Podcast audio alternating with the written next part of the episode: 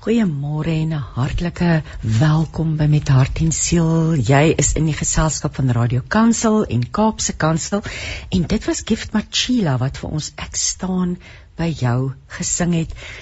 Ek weet nie soos as jy dalk ver oggend moedeloos voel, glo en hoop en vertrou ek dat ons gaan help om vir jou 'n bietjie lig in die donker te skyn, om um, die goeie boodskap te bring, jou te inspireer vir oggend, jou ja, jou sommer net jou jou jou geselskap te wees vir oggend. Nou vir oggend ja, voor ek dit voor ek verder gaan, ek is Christine Ferreira en ek uh, gaan vir oggend gesels met Veronica Skols oor die jongste boeke uit die Luka Christelike Uitgewerstal.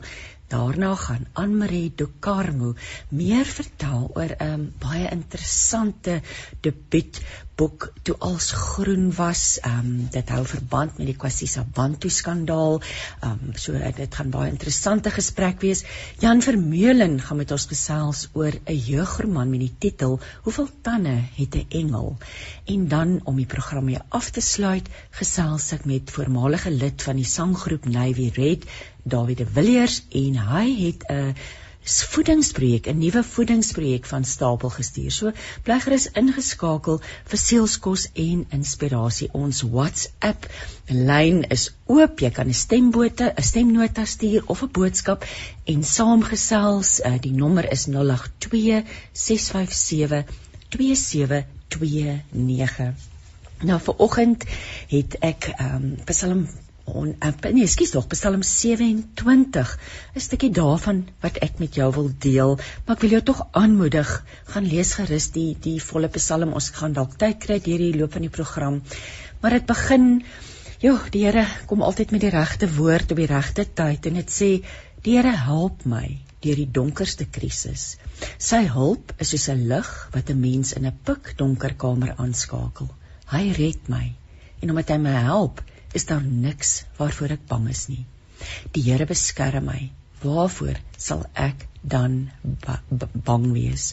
Um dan gaan dit verder in vers 5 wat sê die Here beskerm my die dag as slegte dinge op my afkom. Hy bewaar my teen gevaar. Hy help my uit die moeilikheid. Hy laat my by hom wegkruip. Nou kan ek weer my kop optel en die Here maak my 'n wenner. Maar nou gaan ons gesels met Veronica. Ek glo Veronica is nou op die lyn. Goeiemôre Veronica. Goeiemôre Christine. So lekker om met jou te gesels. Ehm um, jo, julle is bedrywig daar by Luka. Ehm um, Veronica, ek wil hier heel eers net vir jou bekendstel. Jy staan aan die hoof van van die Christelike boeke afdeling. Of wil jy net vir ons weer so 'n bietjie meer vertel oor Luka nie? Dit is 'n dis 'n nuwe uitgewery, deel van Penguin Penguin Random House Strike, maar dalk net so ietsie van 'n agtergrond oor julle uitgewershuis. Ja, graag baie dankie. Uh Luka is verlede jaar uh in die lewe geroep en uh dit is vir my 'n wonderlike voorreg om die uitgewer by Luka te wees. Ons fokus natuurlik op uh boeke met uh geestelike boodskappe en ek dink as ek moet dink wat ons probeer uh, bereik daardeur is om mense te inspireer. Ek dink ons almal het inspirasie nodig. Uh dit is moeilike tye met COVID en alles wat aangaan ja. in die wêreld. Maar moet weer die Here verander nooit nie. Hy is lief vir ons en hy wil vir ons die heel beste hê. En ek dink dit is wat die boodskappe wat ons boeke dan uh vir ons lesers wil gee is dat uh jy al gaan dit hoe dus in jou lewe en al gebeur wat die Here het jou lief en hy weet van jou, hy weet van jou omstandighede en uh sy liefde gaan nooit ophou nie. Hy gee om vir jou en elke dag is hy met jou. Ek dink ja. dit is wat ons vir hierdie lesers moet weet. Oh, ek dink ons het almal ver oggend daardie boodskap nodig. Effens van 'n moedeloosheid wat ek dink toesak oor almal met die uh, beerdkrag, ja. die petrolprys wat weer vanaand styg, maar ja. jy het ons net weer ook daaraan herinner, ons moet vashou in die Here. Hy sorg vir ons, hy gee om vir ons en die ja. belangrikheid nê van van Christelike literatuur. Ek wil nou gou voordat ons praat oor die oor, oor die drie boeke wat ons vandag gaan bespreek, wil ek by jou sommer net so vinnig hoor. Jy het nou, jy sê verlede jaar, maar jy het al 'n lys van boeke gepubliseer. Kan jy dalk so vinnig net die boeke vir ons noem? Ja, weet jy, ons was baie besig geweest die afgelope tyd en dit is natuurlik baie lekker. Ons ken natuurlik volwasse fiksie en nuusfiksie uit en dan het ons ook uh boeke vir kinders en en en jong mense. Uh jy gaan nou later met uh na die ook gesels, maar ek fokus natuurlik op die volwasse lys. So ons het uh verskeie uh, fiksieboeke uitgegee. Ek dink van uh die twee wat ek graag wil uitlig is Gelooflike Bossertjie van Helena Hugo wat 'n baie lekker boek is om te lees. Uh dit is iets wat sal aangaan. Uh dit is die eerste van 3 wat sy beplan. Baie lekker om dit te lees en dan Klankgrens van Marita Martins en Wagta Slabber. Nou uh, ons het dit as fiksie uitgegee want dit is uh eintlik iets wat werklik gebeur het met mense maar ons het ons het gekies saam met die skrywers om dit dan as 'n verhaal te vertel eerder as as 'n fiksie. Twee wonderlike boeke wat jou regtig gaan inspireer. En dan het ons sommer 'n hele rits uh nuwe fiksie, uh die bekendste waarskynlik is Ina, 'n verhaal van genade en genesing. Uh, dit is die verhaal van Ina Bonet en Modimolle Monster. En ehm um, dan het ons uh ek het nou ander twee fiksieboeke wat ek nou nie genoem het nie was uh, is is Arendsvlekke vir Siebert uh, geskryf deur Elsa Winkler. Baie lekker stories, stofie die Komati deur Elise Parker. Hierdie skrywers het geen uh, uh almal ken hulle, ons het nie nodig om om te sê ja, wie hulle ja. is nie. En en dit ons uh, gesinsheid met God deur Louise Voljoen um dit fokus natuurlik op uh wat ons in die ou dae ons het gesinsheid daar ons het Bybel uh uh uh saam met die gesin um Bybelstudie genoem. Um en dit is iets wat dit lyk vir my die meeste uh, gesinne glad nie meer op fokus nie. So dit is 'n hulpbron wat jou gaan help om uh afsondering in 'n gesinstyd met die Here te spandeer. En dan het ons van die verse in die teenwoordigheid van die Allerhoogste. Dit is dagstukkies wat binne met 'n hele jaar se dagstukkies ons het uh fokus 'n boek wat fokus op die bestelling deur uh Johan Solier die ding van ons toekoms uh lieflike uh fokus op die bestelling um en dan het ons natuurlik uh, Chris van der Merwe se die netes gebreek het wat uh, spesifiek gaan oor nederigheid en gebed daar is soveel om te doen ons het ons was baie besig die afgelope jaar en uh dit is so lekker om sulke goeie en positiewe terugvoer van lesers te kry. Veronica, ek ek wil nou vir jou vra voordat ons oor die boeke gesels want jy het ook nou ehm um, bekende of of of of ehm um, uitstekende boeke wat in Engels verskyn het in Afrikaans vertaal en ehm um, ons gaan net nou daaroor gesels maar ek wil nou vir jou vra watter rol speel boeke in die lewe van 'n gelowige en dit dit lyk of daar tog 'n groot behoefte is aan Christelike lektuur. Ja, ek ek dink uh hou in gedagte wie die boeke skryf. Uh dit gewoonlik mense um wat iets deurleef het en of um, wat iets oorgekom het of iets het met hulle gebeur of hulle het 'n sekere ervaring ondervind en hulle wil graag dit wat hulle geleer het weer wat hulle ook al oorgekom het of wat hulle beleef het, hulle wil dit deel met lesers as ek nou maar dink aan die nuusfiksie wat ons um, uitgegee die afgelope jaar of so, um, dit is alles uh, boeke wat vir jou vertel wat die die skrywer oorgekom het en hoe dit hulle uh, verhouding met die Here verdiep het. Want ek dink uh, jy weet daar's twee reaksies wat ons kan hê op die lewe is. Die die dinge wat gebeur gebeur met almal ons is nie uh, vrygestel daarvan omdat ons gelowiges is, die lewe gebeur maar vir ons uh, verdiep dit uh, ons verhouding met die Here want dit dit dit dryf ons nader aan die Here. Um, dit verdiep ons geloof en uh, ons vind by hom um, al die troos en hulp um, wat ons nodig het. Um, terwyl ek dink vir mense in die wêreld, mense wat die Here nie ken nie, um, dit dryf hulle weg. Dit dit maak hulle sinies. Um, hmm. En ek dink die boeke wat wat ons uitgee, um, wil wil hê dat dat die lesers se verhouding met die Here sal verdiep en dat hulle by hom sal skuil in hierdie stormagtige tye. En natuurlik om daardie getuienisse te lees en te besef in die eerste plek hoe hierdie mense daardeur gegaan het en dan ook net daardie gevoel van dankbaarheid oor miskien jou eie seëninge en en hulp om om te sien hoe daardie persone dit hanteer dit wat met hulle gebeur het. So Ja, as mens dink aan die Bybel, ons leef volgens die woord, nê. Nee. So God het van die begin af vir ons die woord gegee en hierdie is dan net 'n verlengstuk daarvan. Um as ons dan Christelike lektuur lees of literatuur of nie fiksie of fiksie. Ja. Ja. Waarom die besluit om van Afrika uit van om nou terug te gaan na 'n paar um klassieke wonderlike Engelse boeke? En dit dan in Afrikaans te vertaal. Watter rede het julle besluit om dit te doen? Ja, ons het um, ons het drie topverkoperboeke in Engels gekies. Um en ons het besluit ons wil dit graag vir ons lesers en daarvan hulle hart beskikbaar maak. Um die meeste van ons is tweetalig of meertalig in Suid-Afrika, ja.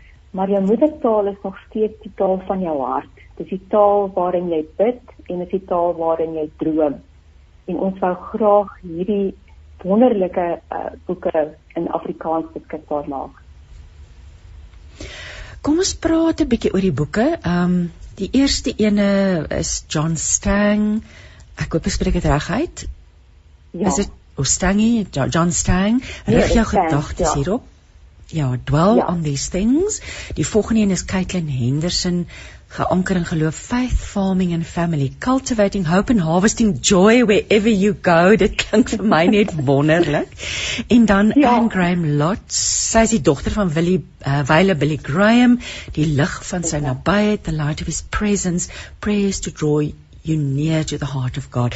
Ek graag sal graag wil hê ons moet hierdie boeke onderskeidelik dalk bespreek. Jy vir ons 'n bietjie meer kan vertel oor die temas, die boodskappe verskuil in hierdie boek, die onderwerpe. Want ek dink vir my na 'n versameling heerlike boeke. Ja, ek ek uh, graag daaroor gesels. Uh die eerste boek um, deur John Stanch, uh, die titel is Rig jou gedagtes hierop. Uh, dit is 'n vertaling in Afrikaans van Dwell on these things. Nou ek dink ek kan sommer uit die titel uit aflei waaroor dit ja. gaan. Ehm um, dis wat hy sê is vandat jy in die oggend wakker word totdat jy weer vandaan gaan slaap, word jy letterlik oorlaai met boodskappe. Nou ek dink dit is veral waar in hierdie dag en tyd waarin ons leef. Dit gesprekke, dit e-pos boodskappe, WhatsApp boodskappe, radio, televisie, ja, internet. Ja ons kommunikeer die hele tyd en uh, dit maak natuurlik die ere waarin ons leef baie anders as as ander tye. Jy weet ons word werklik oorlaai. Nou sommige van dit wat ons wat ons hoor of wat ons lees is waar en dit kan ons wel maar ander boodskappe maak seer of dit is verwoestend of vernietigend of dit bloot net nie in lyn met die boodskappe wat die Here vir ons in sy innige liefde en wysheid wil gee nie. So jy word van van die oggend wat jy wakker word tot vanaand wanneer jy gaan slaap, hoor jy allerlei boodskappe.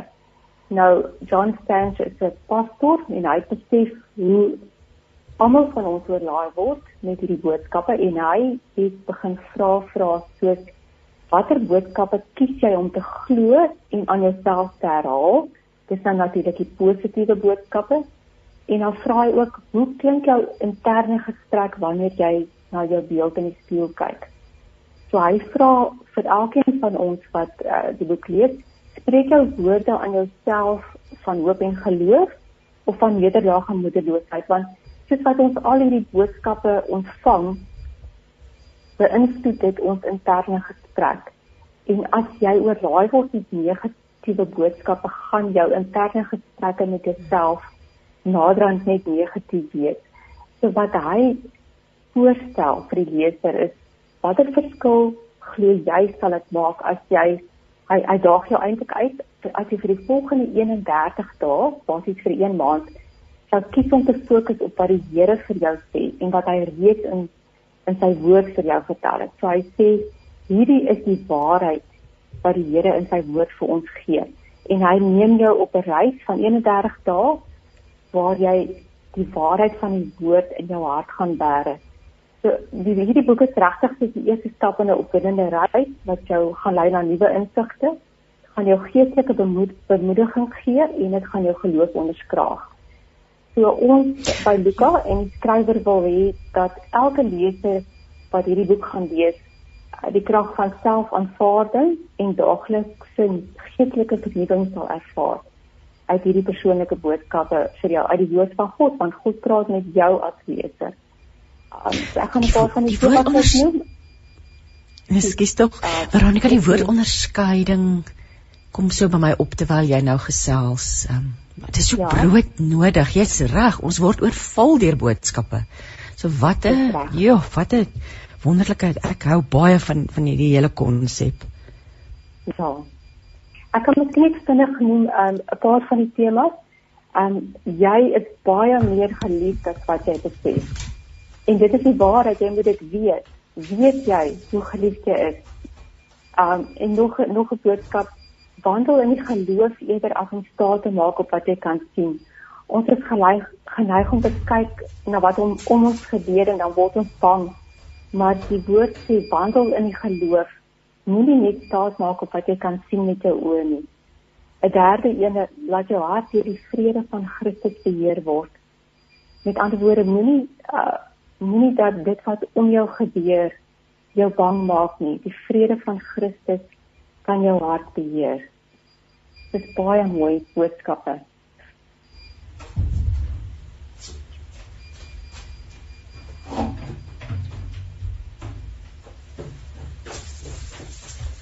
Sien jy dit daar? Ja, nee, ek is hier, skus tog. so, dit is so geword daar. Dis nou die ding van hierdie telefonies, nie tegniese tegnologie, nie telefoniese onderhoude, maar kom, kom ons gaan verder dan. Ja, Ehm um, ons kan oor die tweede boek gestel. Ehm um, die tweede een is geanker in geloof. Uh dit is natuurlik die Afrikaanse vertaling van Faith Farming and Family waarvan die subtitel is Cultivating Hope and Harvesting Joy Wherever You Go. Uh dit is geskryf deur Caitlin Henderson van die CSA, sy's in Amerika. Uh dit is in Junie verskyn by Luka en ons verkoop dit teen R250. En in hierdie boek geanker in geloof, jy kan sommer hoor aan die titel waaroor dit gaan. In hierdie boek verken ons Bybelse waarhede deur die oë van 'n boerse vrou.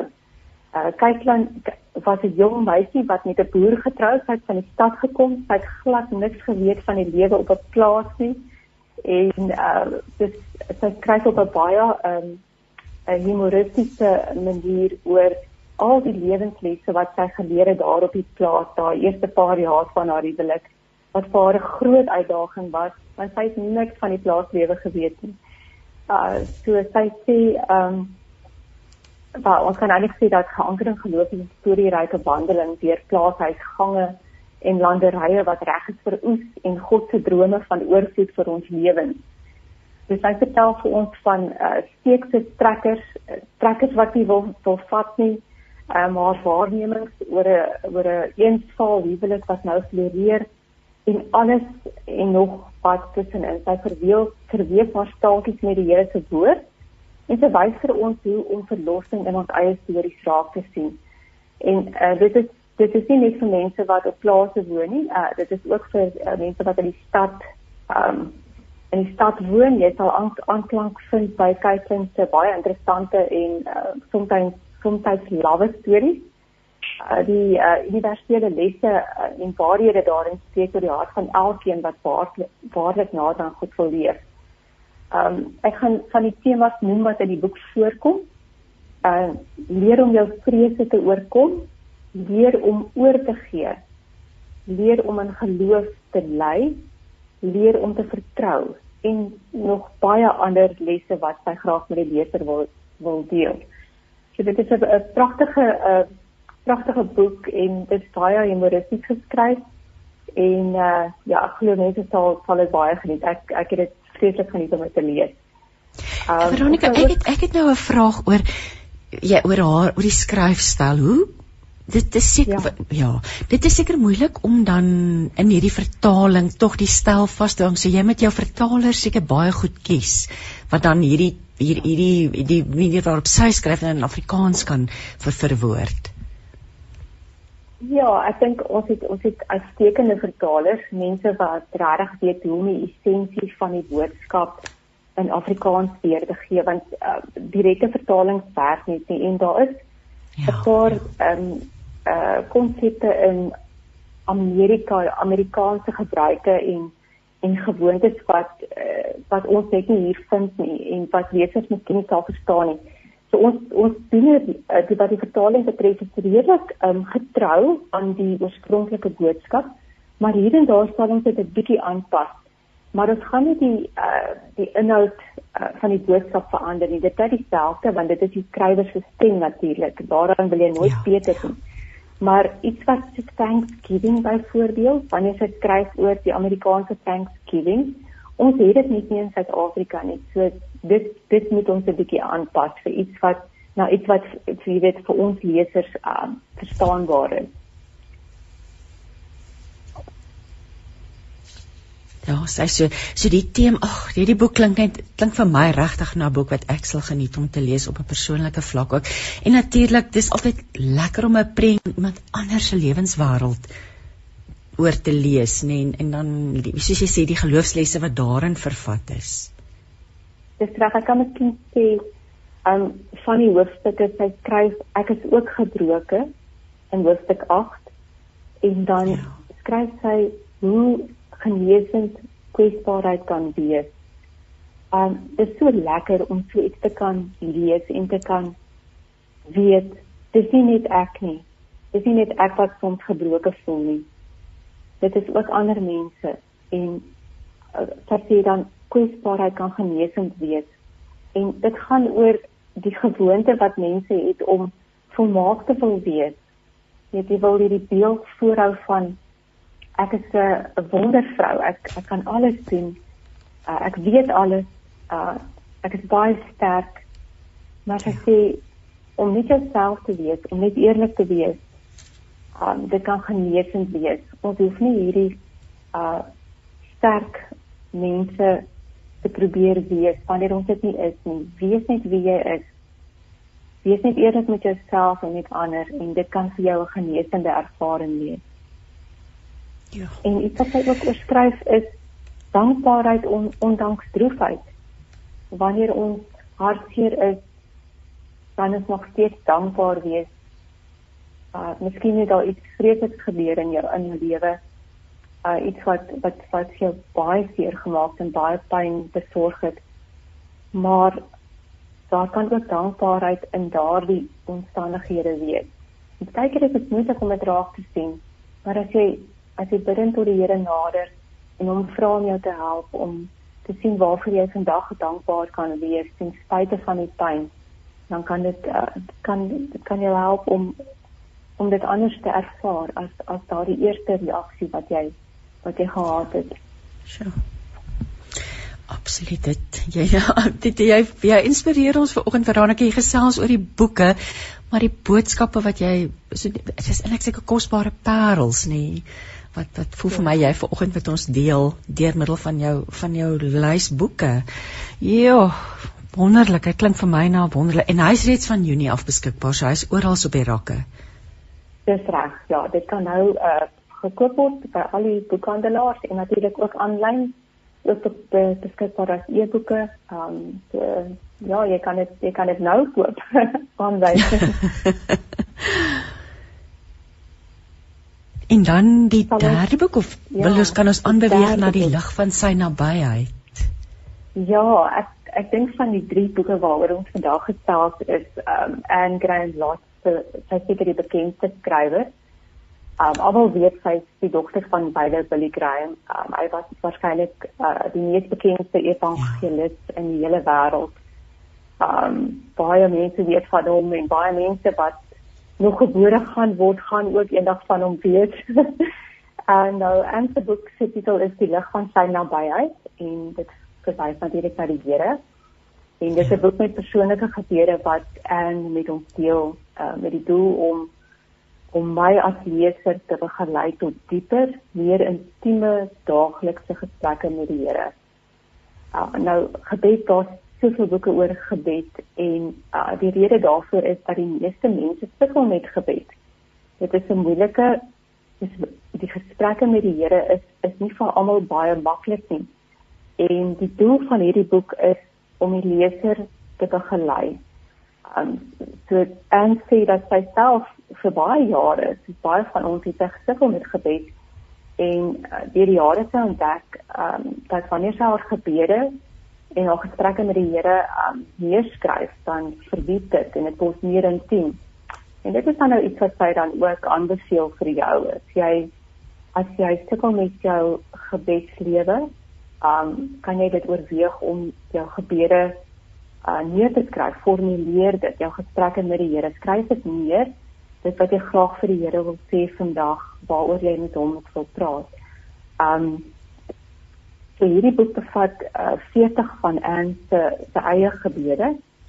Um dit is gebede wat gaan oor werklike situasies um en hierdie gebede kan as jy sukkel um kan dit jou aanmoedig om jou om jou eie gebedslewe te verdiep.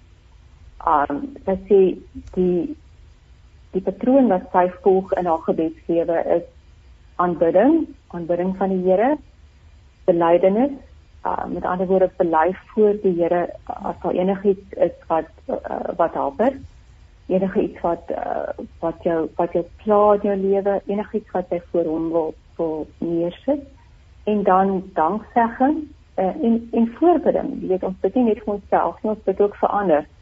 Uh, en dit is 'n belangrike deel van ons gebedslewe. So die boek um, dit moedig die leser aan om geheel en al volledig op die Here te te vertrou op hom en sy beloftes in sy woord. En uh die boek bevat uh, verskeie bemoedigende oordeenkings. Ons het inspirerende aanhalinge wat ons hierin insluit en daar's ook ruimte vir jou as leser om jou eie uh gebede, jou eie woorde aan die Here neer te skryf in hierdie boek. So jy kan nou sien um in die boek self is daar ruimte vir jou om onder die hoofie my gebed jou eie jou eie gebed daar neer te skryf. So en ek sê sy dra die boek op aan almal wat sukkel met gebed en dit is eintlik maar ons almal want wie sukkel nie uh een of ander tyd met gebed nie. So almal wat wat sukkel met gebed maar tog snag na die nabyheid aan God se hart aan. Dis wanneer ons bid wat ons nader tot die Here is in daardie intieme uh, tye met die Here wat ons naby aan God se hart kom en hy naby aan ons kom. So ek gaan 'n paar van die um, van die titels van die uh, gebede uh, net vir julle lees.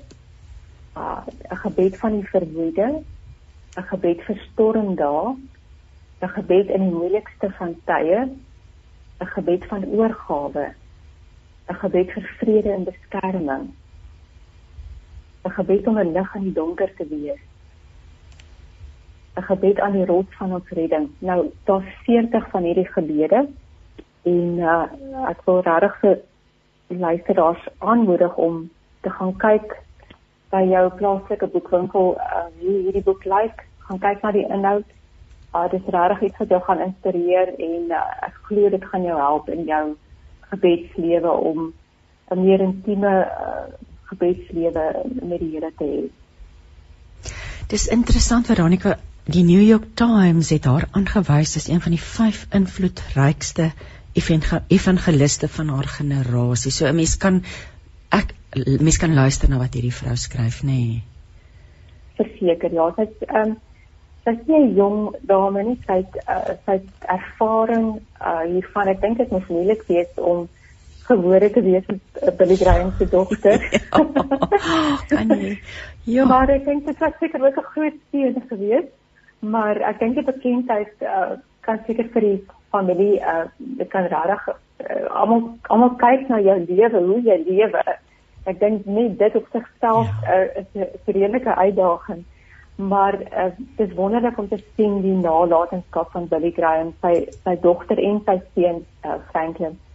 Uh, wat wat albei sterk gelowige mense is wat uh soveel ander mense inspireer en bemoedig. Um dit is 'n pragtige nalatenskap van van Billy Graham. Um om sy kinders te sien uh, wat so gelowig is en vir ons uh wil bemoedig en ons aanspoor uh, om byvoorbeeld uh, 'n beter gebedslewe met die Here te hê as dit wat ons tans ervaar. Jo, ek wil net graag hierdie drie titels herhaal Veronica of of ehm um, ja, so die eerste boek wat ons oor gesels het was dan ja, John Stange se rig jou gedagtes hierop wat gaan oor die hoeveelheid boodskappe wat ons uh, daagliks na ons toe kom en hoe om eintlik sin daaruit te maak en natuurlik die regte boodskappe te kies. Dan was daar geanker in geloof Caitlin Henderson, ehm um, die vrou wat skryf, die Amerikaanse vrou wat oor die plaas lewe en ag dit klink daardie boek klink vir my ook net 'n heerlike boek. Ehm um, Bybelse ja. waarhede deur die oë van 'n boer se vrou en dan die laaste een die lig van sy nabyheid en Graham Lots wat op gebed gefokus word. Veronica, um, ja. kan jy dalk asseblief julle webwerf met ons luisteraars deel? Ehm um, ja, uh, ons is natuurlik by Luka en uh, jy kan uh, op ons webwerf um, by lapa.co.za ons is natuurlik ehm um, 'n druknaam van van Lapa wat deel is van uh, Penguin Random House. So jy kan gaan kyk by lapa.co.za of jy kan gaan na penguinrandomhouse.co.za. So jy sal vir ons wat, daar teekom. Ja. En wat dis daar so maklik is jy tik net die titel of 'n 'n frase in en al die inligting is vir jou beskikbaar. Ag Veronica, baie baie dankie. Ek is So ek staan eintlik verstom oor wat julle al alles reg gekry het in hierdie kort tydjie. So dis duidelik dat julle met passie werk, dat die Here se seën op julle werk rus en en dat daar 'n behoefte is en dit is so wonderlik dat julle dit vir ons kom aanspreek en vir ons hierdie wonderlike boeke bring en so dankie ook vir jou tyd vanoggend. Baie dankie dit. Waardeer dit baie. Dankie. En baie seën vir julle. So ek herhaal net as jy meer wil weet oor hierdie boeke, gaan na www.lapa.co.za want Luka, soos wat dan ek dit reg gesê het, val onder Lapa, val onder Penguin Random House Suid-Afrika. Kom ons luister na musiek. Ons luister na Cradle for Christ wat vir ons sing ons hoop. Jy luister na 657 AM, jou liewensgids op die pad na die ewigheid. En jy luister na met hart en siel die horlosie sê dis 9:47. Ons het nou gesels met Anmarie Dukarme oor toe als groen was. Nou uh die inleiding of of die die opsomming van die boek sê die volgende op haar 18de verjaarsdag loop Marnay weg van die huis af weg van die sending waar sy groot gemaak is tussen groen valleie weg van die kultus met al 10000de reëls wat haar lewe beheer Sy begin 'n nuwe lewe by haar tannie in Klerksdorp en probeer leer hoe om 'n doodnormale meisie te wees tussen die uitdagings van matriek in 'n nuwe skool. Sy maak nuwe vriende en dan is daar die gitaarspeler met die mooi groen oë. Maar na jare van breinspoeling en manipulasie is dit nie so maklik om weg te breek van die sending dogtertjie wat sy eens was nie. En haar ouers in die sending sal nie ophou om haar te probeer opspoor nie. 'n Aangrypende groot word verhaal oor die soeke na die na self en die soeke na God en die waarheid. Anne-Marie, goeiemôre. Goeiemôre te sien en goeiemôre aan al luisteraars. Ek wil sê baie geluk met hierdie boek. Dis 'n debuut. Ehm um, ja, en natuurlik gebaseer op ware gebeure by die KwaSiso mm. Sendingstasie in KwaZulu-Natal waarvan jy self deel was. So ja, ek wil sommer vir jou dadelik vra, wat het jy jou laat besluit om die boek te skryf? Ag, baie dankie. Ja, sjoe, dis baie dinge wat die besluit beïnvloed het, maar as ek eerlik moet wees, dink ek dit was net die Here wat my gelei het om dit te skryf. Um in Efesiërs 5:11 sê moenie meer doen aan die vrugtelose praktyke van die duisternis nie, maar stel dit eerder aan die kaak. En dit iets wat die Here baie sterk op my hart gelê het. Um soos hy op die agtergrond wat jy genoem het, ek het groot geword as deel van die Kwasita Bantu sending wat 'n baie wettiese kultus is en ek sukkel tot vandag toe nog met depressie as gevolg van die manier hoe hulle mense indoktrineer en manipuleer van kleins af. Jy word konstant vertel jy is nie goed genoeg nie, sal nooit goed genoeg wees nie. En ja, ek het uiteindelik na skool toe ek gaan studeer het, tot reg gekry om weg te breek daarvan af en ek het by 'n nuwe kerk aangesluit wat wat die eerste keer die ware evangelie en van die Here se genade geleer het. Ehm um, Ja, ek het van kleins af 'n groot boekworm, ek het baie lief geskryf gewees nog altyd. Ek het skryfkuns gaan studeer, ek werk vandag in die boekwêreld, maar ek kon nooit enige iets klaar skryf nie. En ek dink ek het net altyd geweet hierdie is die boek wat ek moet skryf. Ek moet eers hierdie boek skryf voordat ek enige iets anders kon skryf. En baie mense het my deur die jare aangemoedig, maar ek het nooit geweet hoe om te begin nie, omdat dit iets is wat so intens persoonlik is. En ek het net nie geweet hoe om dit aan te pak nie. En toe die paar maande voordat ek begin skryf het verlede jaar was een van die moeilikste tye in my lewe. Ehm um, met depressie het alles oorheersend geraak. En ek was net regtig op 'n baie baie slegte plek in my lewe en weer eens is net die Here se genade dat ek lewendig aan die ander kant uitgekom het. En ek het so baie ondersteuning ontvang by my dominee en ons kerk en natuurlik by my man. En ek het op 'n punt gekom waar ek net moet besef ek het hulp nodig. En dit toe dat ek hierdie boek begin skryf het. Ek het dit begin skryf as 'n vorm van terapie, so deel vir myself begin, maar ook omdat ek regtig glo daarin dat mens sulke werke van die duisternis moet ontbloot en aan die kaak stel en as wel 'n stem gee vir almal wat daar deur is en die soortgelyke ervarings is wat nog nie self hulle eie stories kon vertel nie. Oek, weet jy as ek so na jou luister hoor 'n mens net hoe groot die Here se genade is. Absoluut. En absoluut.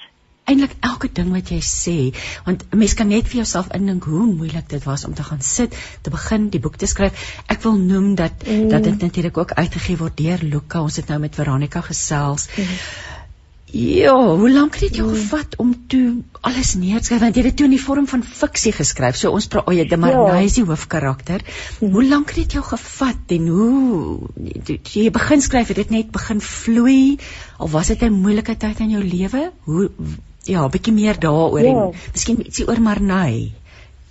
Ja, sy die skryfproses was baie bevrydend geweest, maar dit was ehm um, ook baie moeilik geweest en toe ek gaan sit en begin skryf het was dit asof iets my net gedryf het. Asof die Heilige Gees by my gestaan het en het gesê skryf sister skryf. Ehm um, ek dink ek het die eerste draft van meer as 70000 woorde omtrent in 'n maand geskryf. Tussen my voltydse werk deur en alledaagse lewe. Ek kon dit nie opskryf nie. Dit het rarig net gevloei en shoot dit was rarig 'n genesende ervaring geweest. Ek het besef ehm um, hoe baie dinge daar in my lewe is nog aanspreek of met vyf. Ehm um, selfs nou jare nadat ek weggesty het, was dit aan toe. Ehm um, ek nog steeds goed waarmee ek met deel en mense met wie ek moet praat. So dele van die skryfproses was bittermoedig geweest, maar op die ou einde het ek net soveel ligter gevoel. Ehm um, ek, ek neem aan maar nee, as as ek ek, ek, ek luister na dit wat jy deur is. Mm.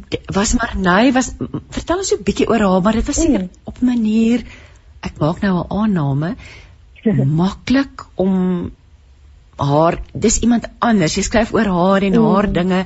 So daai vir die vermenging van wat in jou eie lewe gebeur het met die fiksie en Marnay, vertel ons so 'n bietjie oor haar mm. en dan so ietsie van die storielyn dalk. Ja. So Marnay is sy is 'n fiktiewe persoon dit waar die sy deur is. Die die net nou ehm um, die opsomming kan sê wat 'n wegloop van die sending Algenberg waar hy gaan bly en al die fisiese gebeure wat deur sy is is fiksie. Maar ek moet wel sê haar geestelike en emosionele ehm um, reis en dit waar dit gaan dit is nogal baie gebaseer op dit waar ek is. So dit is baie persoonlik. Ehm um, ja maar hy is iemand met wie ek dink die meeste mense kan identifiseer. Sy sê in die boek, ek voel soos 'n legkaart wat in die verkeerde boks beland het. En ek dink dis 'n gevoel wat die meeste mense op een of ander stadium in hulle lewe ervaar, maar veral tieners. Want dis 'n tyd in jou lewe waar jy ongeag van jou omstandighede, ongeag van watter tipe huis jy groot geword het, self probeer uitfigure wie jy is en wie jy wil wees en sin maak van die lewe en jouself moet besluit wat jy glo maar my omstandighede is net baie amplified en um, die sin dat dit is dit baie streng en um, konservatiewe huishouding uitkom ehm um, van die sending afkom. Maar ek dink dit is tog iets waarmee elke mens kan identifiseer. En maar hy is ook 'n baie brawe meisie wat nie bang is om op te staan vir dit wat sy glo nie. En wat mense regtig nie ook kan kyk en hulle die waarheid vertel. Ek dink in daai opsig is hy 'n regte generasie wet meisie. Uh, ek dink ek was so braaf soos wat sy was. Ek kry maar die meeste van die tyd agter my rekenaar weg. ek vermoed jy is baie braaf as ek as ek so na jou luister. Jy het iets genoem aan die begin wat jo, dit is ek dink 'n probleem van ons tyd en nog dan geabsoluut dan uh, versterk as mens dan nog in so 'n streng mm. situasie of nou die skulte situasie jouself in bevind maar dat jy nie goed genoeg is nie dat niks wat jy mm. ooit doen en dis so teenstrydig met dit wat God vir ons in gedagte het nê mm. nee dit is want die, die, die hele ding is die Here het ons gebaseer op ons geloof en net deur genade nie deur ons werke nie En die Bybel sê daar's nie een persoon wat perfek is nie. Nie een van ons is perfek nie. Ons almal maak foute, ons almal val. En as ons reg gaan kyk, ons is nie goed genoeg nie, maar wat die evangelie so wonderlik maak, is dat die Here ons liefhet ten spyte daarvan. En Romeine sê die Here het ons hierdie kan ons die Here se liefde sien dat hy Christus vir ons gesterf het terwyl ons nog sondig was. So dit vir my die groot verskil en dit vat die Here se genade so absoluut wonderlik en bevrydend maak dat dat dit jy hoef nie perfek te wees nie. Jy hoef nie goed genoeg te wees nie want die Here het jou lief ten spyte daarvan. En dit is iets wat as jy band toe heeltemal verkeerd kry want daar is hierdie absolute hoë standaard waaraan jy moet voldoen en elke keer wat jy nie daaraan voldoen nie dan moet jy basies van voor af begin. Jy sal nooit daai standaard bereik nie en jy gaan nooit aanvaar word soos jy is nie. Hier's nou 'n luisteraar wat sê asseblief herhaal net die naam van die boek en jou van. Die, die boek is toe als mm. groen was en ek gesels met Anne Marie Ducarmo. Spreek ek jou van reg uit? Ja, jy doen. Ducarmo. Okay, daar sê so Christine vra vir ons Christine Pina vra oor ja, so ek ek hoop jy luister nou Christine, maar dis Anne Marie Ducarmo met wie ek gesels. Ek wil nou vir jou vra Anne Marie, het jy van die begin af besluit dit gaan 'n boek wees vir jong mense? Ja, ek het. Ehm um, ek is ek is baie baie lief vir jeugverhale. Ek werk ook elke dag met jeugboeke. Ek lees meestal jong volwasse fiksie. So ek het van die begin af geweet dit se week wil skryf. En ek het ook omdat ek op min of meer daai ouderdom was, so ek weggetrek het van die sending af. Is dit iets wat vir my, is 'n tydperk van my eie lewe wat vir my baie sterk uitstaan en ehm um, nog baie na my hart is. En ek weet hoe moeilik dit is om op daai ouderdom te wees en te probeer sin maak van die lewe en te besluit wie jy is en wat jy glo. So ja, ek dink dis 'n boek wat deur enige iemand gelees kan word. Daar's 'n paar mense wat heel wat ouer is wat my gesê het dat baie aanklank gevind het die boek, maar ek het dit geskryf vir jong mense.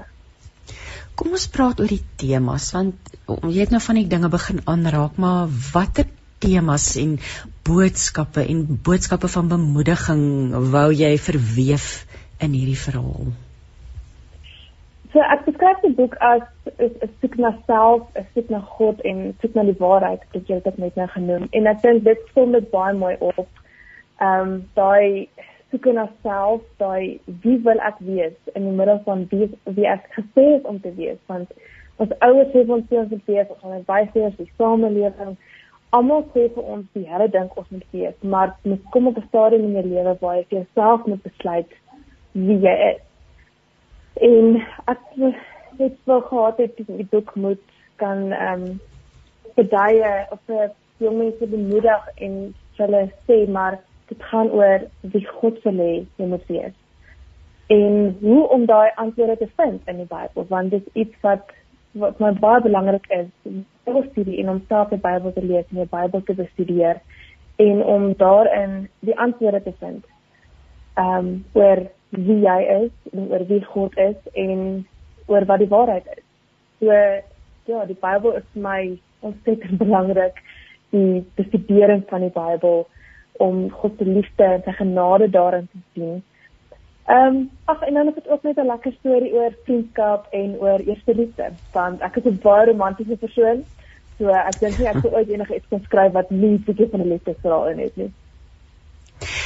Ek is geïnteresseerd in jou verhouding met die Here dat op dat jy besef het hierdie is nie hierdie is nie die waarheid nie die die konteks waarin jy op daardie stadium geleef het.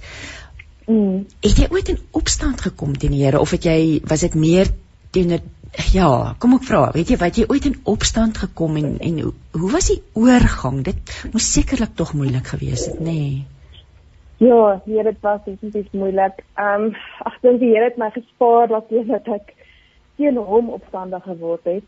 Maar as er was ek wel, ek het baie vasgesit, vasgeskop teen autoriteit en teen wat groot mense en ander mense vir my sê oor wie ek moet wees omdat ek op 'n punt gekom het waar ek myself te besluit. En ek was baie gelukkig geweest met my oorgangsfase. Ehm um, dat ek ek het weggebreek toe ek gaan studeer het. Ek was gelukkig genoeg dat my ouers my toegelaat het om te gaan studeer. En ek het daar kontak gemaak met ander kinders wat ook wat voor my weggestel het af ehm um, en haar reeds uit was wat het so al begin ouer speel het vir ons.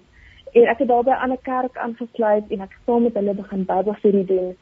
En daar was die Here net vir my absoluut sy woord oopgemaak. En ek het vir die eerste keer in my lewe waarlik die evangelie verstaan. En dit was vir my 'n absolute wonderlike ervaring gewees. Dit die eerste keer die besef dat jy gered word deur genade. So Ja, en dit was dit was moeilik geweest want dit was moeilik my ouers om te aanvaar dat weet hulle dogter nou nie wil deel wees van dit waarna hulle nog hulle hele lewe glo nie. Maar as die Here het my net gedra deur daai hele proses. En natuurlik sien hy ons met hierdie boek wat jy geskryf het. As ek so na jou luister, dan dink ek daar's baie ouers wat ver oggend luister, oumas en oupas wat dalk dink, "Ja, my kleinkind sukkel op die oomblik met en dit gebeur, né? Tieners sukkel met hulle ouers se manier van doen en glo, maar jy wil so graag hê jou kind moet naby die Here bly." Mm, dit voel ja. vir my hierdie is dalk 'n boek wat wat mense moet gaan koop en vir die, vir die, vir die, vir 'n jong seun of 'n dogter sal seuns dit ook lees. Wat dink jy? Ehm um, ek ek dis 'n goeie vraag. my man het dit baie geniet en ons dominee het die boek ook baie geniet. Ehm um, ek kan dit sê, maar in my ervaring seuns lees nie sommer iets wat hulle as 'n meisie boek beskou nie. Ja. Maar ja. ek dink tog daar is iets van waarde vir enige jong mens daarin. En ek dink ook net bloot ek sal ek graag wil lees of lees uit nuuskierigheid uit oor wat wat het mhm. reg gebeur en hoe dit so mm. vanuit jou persoonlike oogpunt is. Ja, dit is uh, ek dit is ek sien baie ek sien regtig uit ek het nog nie die boek gelees ek moet weg. Um hy het nog nie by my uitgekom nie. Um maar ek vertrou dat ek dit hier geleentheid gaan kry. Ek wil nou vir jou vra wat wil jy graag deur die boek bereik? Deel van dit was deel van hmm. jou genesingsproses, maar wat wil jy verder deur die boek bereik? Die groot en die belangrikste ding vir my op hierdie forum is om bewusmaking te skep oor kwessie bantu.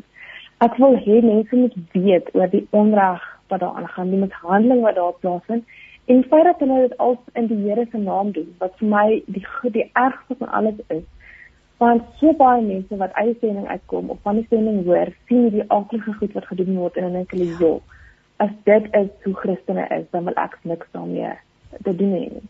En dit is my ontsettend hartseer want hulle doen die Here se naam so tot skade aan as ek dit sou kan stel deurdat hulle sê maar hulle is hulle hulle wil die, die ware boodskap en hulle die waarheid en hulle stap die regte pad. Maar eintlik is dit so 'n verdraaiing van die woord wat hulle daar verkondig. So dis wat ek waarvan ek mense wil bewus maak en ag ek hoop dat meer mense daarvan weet hoe groter is die kans dat daar iets dan gedoen kan word. En as mense wat hier na luister wil weet maar wat kan hulle doen? Wel die, die, die grootste rede hoekom mense hulle nog steeds aangaan is omdat hulle soveel geld het en invloed het en dit gee hulle mag.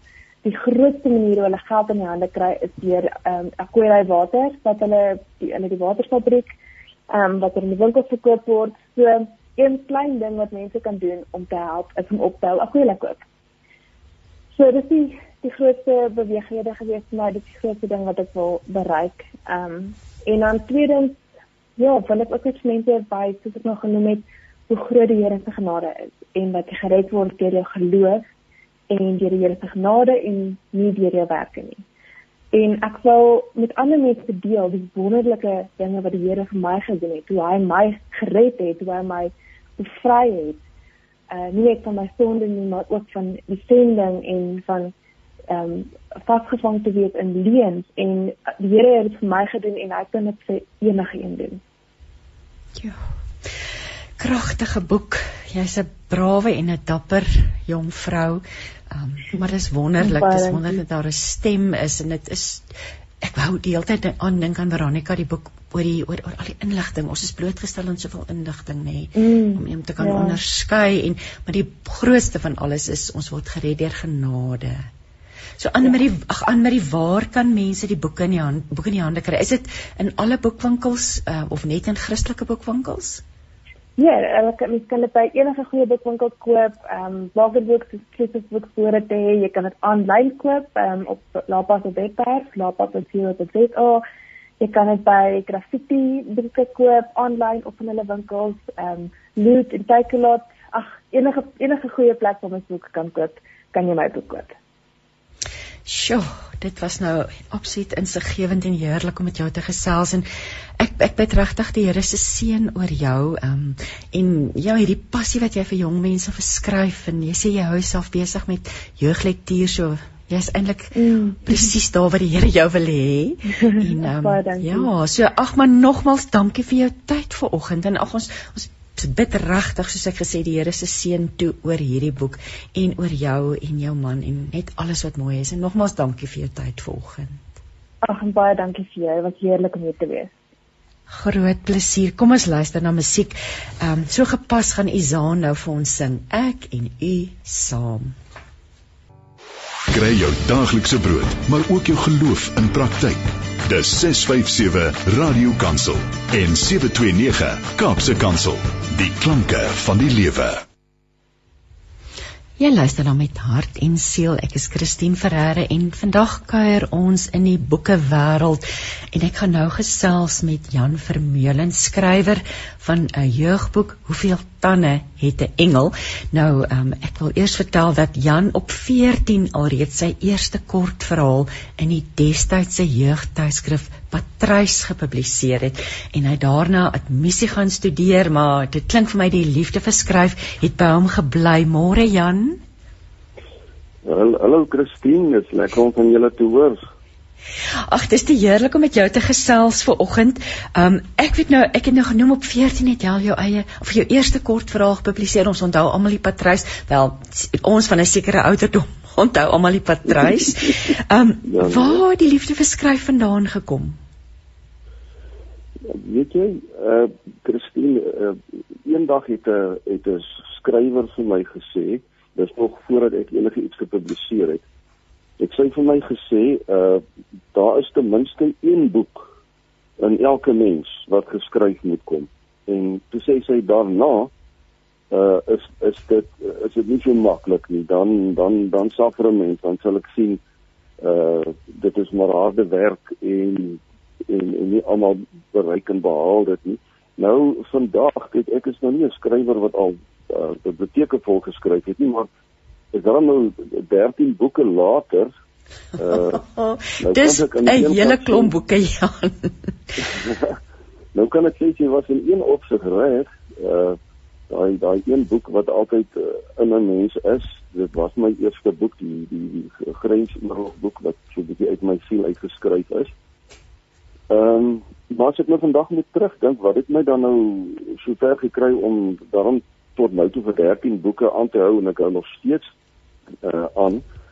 Uh kan ek sê ek, ek dink my, my eerste besef dat ek wil skryf het in die destydse op A gekom.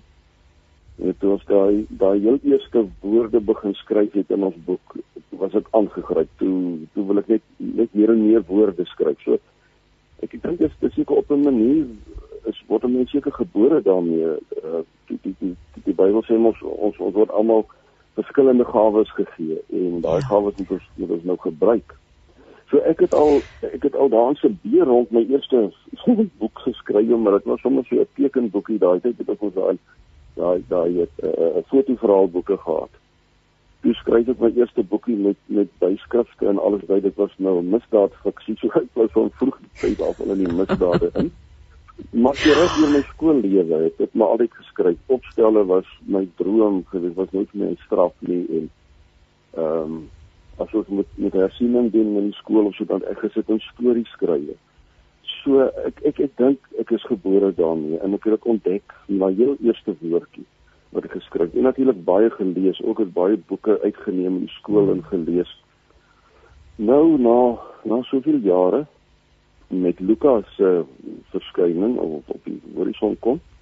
Nou voel ek ek kry die eerste keer regtig die geleentheid om om daai gawe wat ek gekry het reg terug te ploeg. Ek het dit altyd so ingewerk in my boeke. My my dogter het eendag vir iemand gesê toe hulle uh, asem na een jeugverhaal wil koop by 'n Christelike boekwinkel gaan soek. Sy sê vir jy gaan nie daai boek by 'n Christelike boekwinkel kry nie. Sy sê uh, dit gaan nie oor die Here nie, maar die Here is in die boek. So, ja. so altyd is dit maar so ingewerk in 'n mens se stories. Uh maar nou by Luka nou nou is hierdie wonderlike geleentheid om dit nou reg terug te ploeg met uh, suiwer Christelike lektuur en daarvoor is natuurlik baie dankbaar. Sjoe. Ek sê van wat jy sê, die Here is in die boek. Dit maak al die verskil, nê? Hoeveel tande het 'n engel?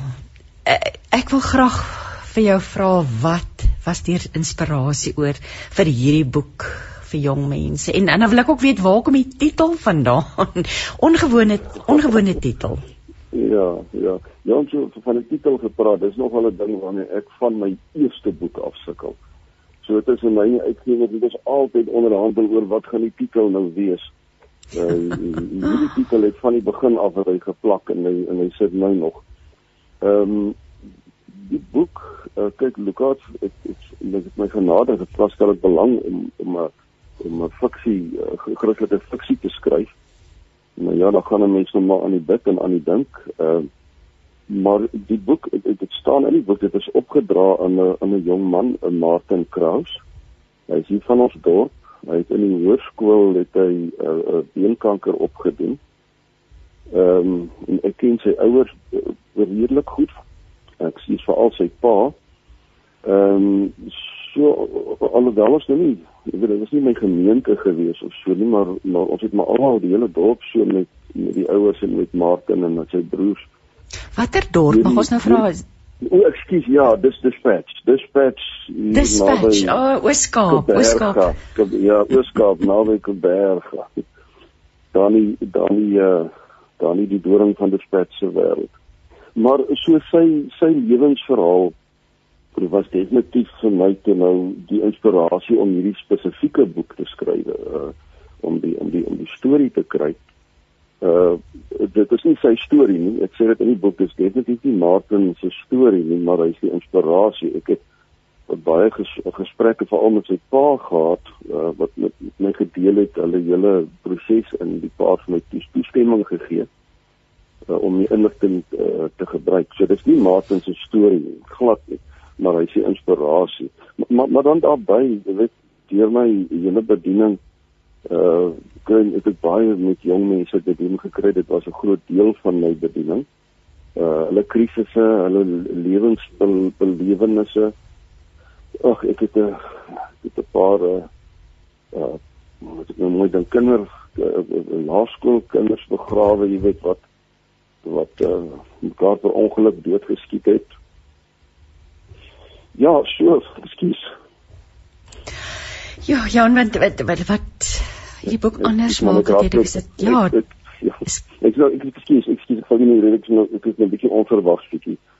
Ek het emosioneel geraak. Maar maar jy weet so die die die uh, jong mense se se belewenis dit vat maar aan 'n mens. En uh, as jy nou kyk na die na die jeuglektuur uh, as jy nou hier verhaal wil skrywe om nou nie om nie net verslag te doen van wat gebeur het nie dan is is die is die is die groot uitdaging mos nou om vir hierdie hoofkarakters in jou boek uh jy sal net sê amper onoorkomlike vyand daar te stel uh, om groot uitdagings vir hulle te stel en dit is wat wat jeugboeke geslaag maak as die leser kan begin wonder gaan hierdie jeugkarakter gaan hierdie jeugkarakter hierdie probleem kan oplos betyds. En in in hierdie boek ja, daar kom ons met die grootste vyand van al die vyande uit naamlik die dood op op 'n jong ouderdom. En die vraag is hoe hoe kan hy beveg word en kan hy beveg word en natuurlik is, is hy regtig die laaste vyand. So so dit was die inspirasie. Inspirasie om 'n om 'n boek te skryf met 'n groot vyand vir 'n jong 14-jarige kind. Uh ja, ons kan nou ek ek ek dink jy sê like ek val jou mekaar ja, ek, ek wil graag die titel sê. Ek wil Ja, die titel want eh, die, jy het gesê jy sukkel met die titel, so het jy het jy homself uitgedink of het die, die uitgewer hom vir jou op die ou uiteinde uitgedink? Ja, hierdie nee, hierdie titel, soos ek sê, dis nou een van die min wat die uitgewers nie eens iets gesê het nie dat dit dadelik aanvaar het. So ek is baie bly daaroor. Die die titel ehm um, natuurlik en mens moet altyd nou maar vir enige leser, maar veral vir jong mense 'n titel kies wat wat aandag trek. Ja. Uh, wat 'n mens laat wonder. So daar lê so 'n bietjie tegniek in in enige titel in. Ehm um, maar in in hierdie boek speel uh en Ja, ek dink ons het jou dalk daar verloor. Daar sê jy terug. Weet jy my? Ja, die, die rol van engele word weet jy my? Ja, ja, jy kan maar praat. Ja, sê, daar sê die rol van engele word word in, in die boek ondersoek. Uh daarom is Psalm 91 byvoorbeeld 'n uh, 'n kernvers. Hierdie hierdie Alex die die hoofrolspeler die uh, ontdek sy Bybel wat hy gekry het toe hy babietjie was wat hy by sy oupa gekry het en voorin is Psalm 91 'n paar verse vir hom geskryf maar hy het die Bybel nooit in sy lewe gelees nie. Hy is nou 14 jaar oud toe begin hy die Bybel vir die eerste keer oop te maak en hy ontdek hierdie vers oor die oor die engel. Uh, as jy net nou verder kyk na na engele wat se ding is 'n engel, dis angel in Engels en in Grieks is dit 'n angelos En 'n angelos is niks anders as 'n boodskapper, 'n uh, gestuurde nie. So, so in in die boek word ook gekyk na die rol van engele soos wat ons dit kry in die Bybel. Ek noem dit amper die die die die hemelse engele wat ons in ons gedagtes sien wat vlerke het wat kan vlieg. Maar daar is ook baie keer in die Bybel uh, jy weet verwysings na na na engele wat soos mense lyk. Uh in in baie keer is hulle ook sommer mense want dit is al almal gestuurdes. Ehm um, en dan is daar diere wat deur God gebruik word. Uh, en en en en diere het engele en as as as 'n dier as 'n engel as 'n engel as 'n angelos uh, angelos uh, bestuurde gebruik kan word. So daar daarvan kom die titel hoeveel tande het 'n engel is eintlik net om te sê ehm um, engele bestaan.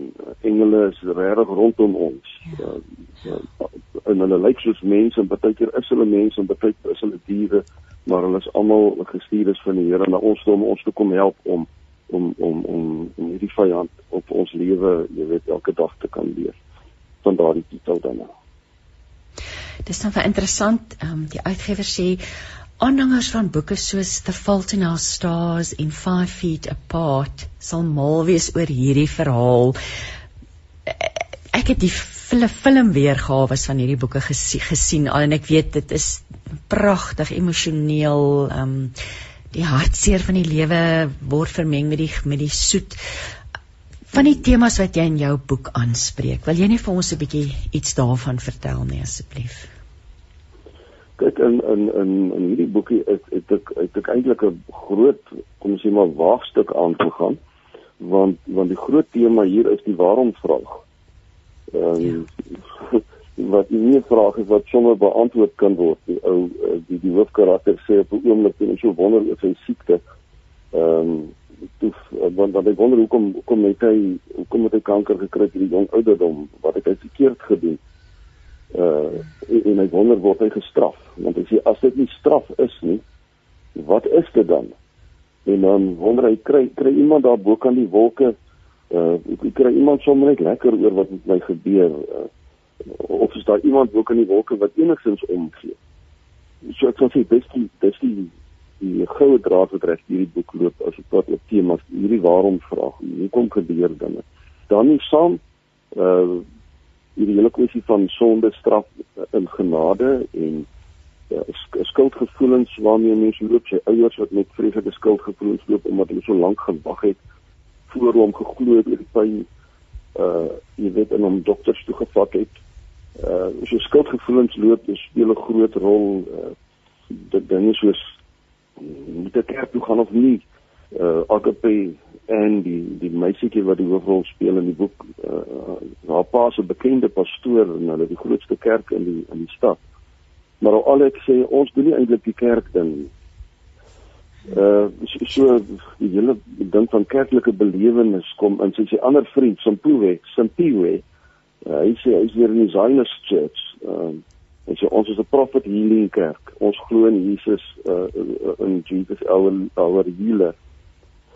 Uh daarna word gekyk in die boek uh, hoe is God regtig in ons lewens teenwoordig? Waar hoe kan ons hom sien in ons lewe? Die waarde van vriendskap uh, en liefde, veral liefde in 'n ouerhuis. En natuurlik die groot ding as dit kom oor oor genesing, goddelike genesing ook, uh wat 'n rol speel die mediese wetenskap in God se diens. Dis hulle nie ook angelos, angeloi nie, hulle nie ook engele eintlik in in God se hand nie. Ek ek nou dit ek dink die tema so bondel saamgevat. Ek vra maar as daar nog iets is wat wat ek dalk Nee, dis nou weet jy wat jy terwyl jy so gesels kom dit net weer in my gedagtes op wat jy gesê die Here is in die boek. So as 'n mens nou vir jong mense skryf, moet 'n mens seker oppas om prekerig te raak. Jy moet dit so slim in die storie verweef, die boodskap wat jy aan hulle wil oordra nie waar nie, nê. Ja, en dan wil ek vir jou vra hoe, hoe hoe vir jou terwyl jy skryf dink jy bewustelik daaraan dat ek wil graag hierdie boodskappe aan jong mense oordra of vloei dit sommer net uit jouself uit? Kyk, uh, ek wil amper sê my, my gewone gewone jeugfiksie ehm um, is voel ek nie altyd om uh, sê ek wil 'n les oordra nie. Vir my vir my is dit net 'n aangrypende storie wat ek wil skryf wat mense sal aangryp. Daarom dink ek nie is baie keer is dit nou jeugfiksie waarmee ek besig is of volwasse fiksie nie. Ek dink aan die storie wat ek wil vertel. En, en dan dink ek aan die formaat en en in in in sekere gevalle is dit dan nou as as as as as, as jeugfiksie. Ehm um, dis 'n musiekstuk wat iemand gaan skryf jy dink aan die note en en sit dit bymekaar om die musiek te maak en erns besluit jy met hierdie uh, 'n uh, marsmusiek wees of met hierdie 'n streelende melodie wees. Ehm um, so so nee, ek gaan sit nie en skryf om te dink watter lesse kan ek sê maar vir enige iemand leer of vir jong mense nie. Maar as jy nou Christelike fiksie skryf, dan dan voel mense jy wil iets agterlaat maar dit moet ook nog nie 'n preek wees nie, 'n preek boodskap. Jy moet nog steeds 'n storie vertel. 'n Storie van hierdie jong seun wat kanker kry been en worstel daarmee en verlief raak op 'n meisietjie wat reeds haar been verloor het uh, as gevolg van kanker en en en uh, hulle liefde wat groei vir mekaar en en hulle hulle stryd uh, wou nie doodgaan nie, wil bly lewe, wil by mekaar wees en tussendeur dit alles my boodskap dan ingeweef word. Dis 'n dis 'n groot kuns wat wat mense reg waar maar moet probeer bemeester, maar dis dat dit nie prekerig moet klink nie. Maar as hulle klaar gelees het, moet hulle aangeraak wees deur die boodskap maar die mense is maar aangeraak net om na jou te luister oor hierdie mooi storie wat jy geskryf het. Dit gee mense soveel hoop dat daar dat daar mense is wat so omgee eintlik. Nou die Here jou soos jy sê met hierdie talent geseën het om dit te kan doen. Ehm um, wat wat is volgende? Wat is volgende? Mag ek vra as jy al nie skryf aan die volgende boek of sak hierdie ene nog eers net af gaan slê die stof nog eers? Nee, nee ek ek is op die oomblik nou weer besig met met met uh, met volwasse fiksie 'n uh, uh, jeugmisdaad. Maar maar ek is ook besig met 'n uh, vir vir volwassenes nou 'n uh, uh, soort van 'n 'n kombinasie tussen 'n uh, tussen dagstukkieboek en Bybelstudieboek. Uh, so nie net 'n gewone dagstukkieboekie maar so 'n verstaan dit word so saamgevoeg ja, gesit. Ja. So ek is baie sterk besig met die boek ook vir Luka. Ek ek ek wil hom graag binne 'n maand of 2, 3 by julle hê en en dan is daar 'n jeugboek wat nou reeds goedgekeur is wat volgende jaar hierdie tyd uitkom. Ehm um, wat ingeskryf was vir die jeugroman kompetisie en my het nou net net uitgeval.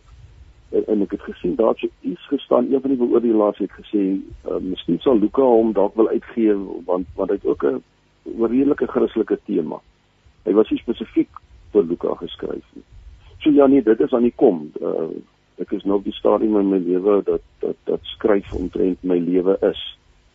ja, so ek ek hoop dit raak meer as 30 boeke. Ehm um, maar mense wil graag terug. Of jy wil graag die gawe, want ek glo dit kom van bo, glo dit kom van die Here en ek ek, ek, ek, ek, ek jy kan nie anders nie. Jy moet net skryf. Absoluut. Oeg, dit dit, dit ek dink as mens so luister klink die leef die wêreld of die wêreld van 'n skrywer, die lewe van 'n skrywer baie ehm um, romanties, maar dis maar harde werk, nê? Nee? O ja, te gaan sit ja, en nee, skryf nee, en ek, ek sien nou kom dit so van binne. Ek, ek, ja, nee, ek soek nou al 'n sagte bed om op te sit te skryf of 'n sagte iets want want want ek het in my lewe nog nooit 'n stuitjie gehad nie, maar nou besef ek ek was dalk 'n bobbejaan wat sterk afgekap het. Om die verdrag nou erg. Jan. En dis ure. Dis ure, ure, ure, ure en dis kophou, maar dit is so bevredigend. Regtig, dit is mense kan dit nie ophou nie. Ag, wonderlik. Ons sien so uit daarna. Ehm um, ek neem aan ek het nou vir vir Anne Marie ook gevra die boeke is of jou boek is ook beskikbaar boekwinkels landwyd, nie net in Christelike boekwinkels nie. Ehm um, neem ek aan ja, ook seker. Hy's hy oral. En hy het ook pas op die rakke verskyn. Hy's so vars en nuut en Ja, so die ja, ouderdomsgroep ja, uh, hoërskoolkinders, ehm um, jong volwassenes waar waar min of meer, wat sou jy sê? Ja. Kyk kyk die die die hoofkaraktertjie is, is 14 jaar oud. Ja, ja. Ehm um, maar maar uh, mens probeer altyd so skryf wat jonger kinders wat al kan lees dit kan doen want want want want ek was vroeg laerskool toe lees ek Hans Gonzalez se boeke. Jy weet dit was my dryfkrag en sien baie bos op. So so miskien is daar nog jong jong liede wat wat wat wil lees. So mense hou hulle in gedagte.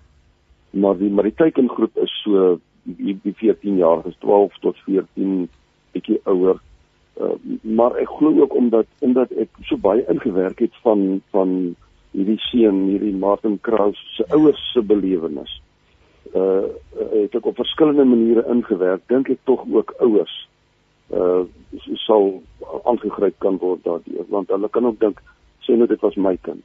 Sê nou Ja. ek was 'n pastoor of nie 'n pastoor nie. Ons was kerklik meer lewend of nie kerklik meer lewend en my kind het dit oorgekom. So so absoluut so tussendeur dink jy ook, "Wow, ek moet so skryf dat die ouers ook ook sal wil lees." Maar dit is spesifiek vir vir die vir die jong tieners. Dit is op hulle afgestem. Ek gaan net die titel van die boek herhaal.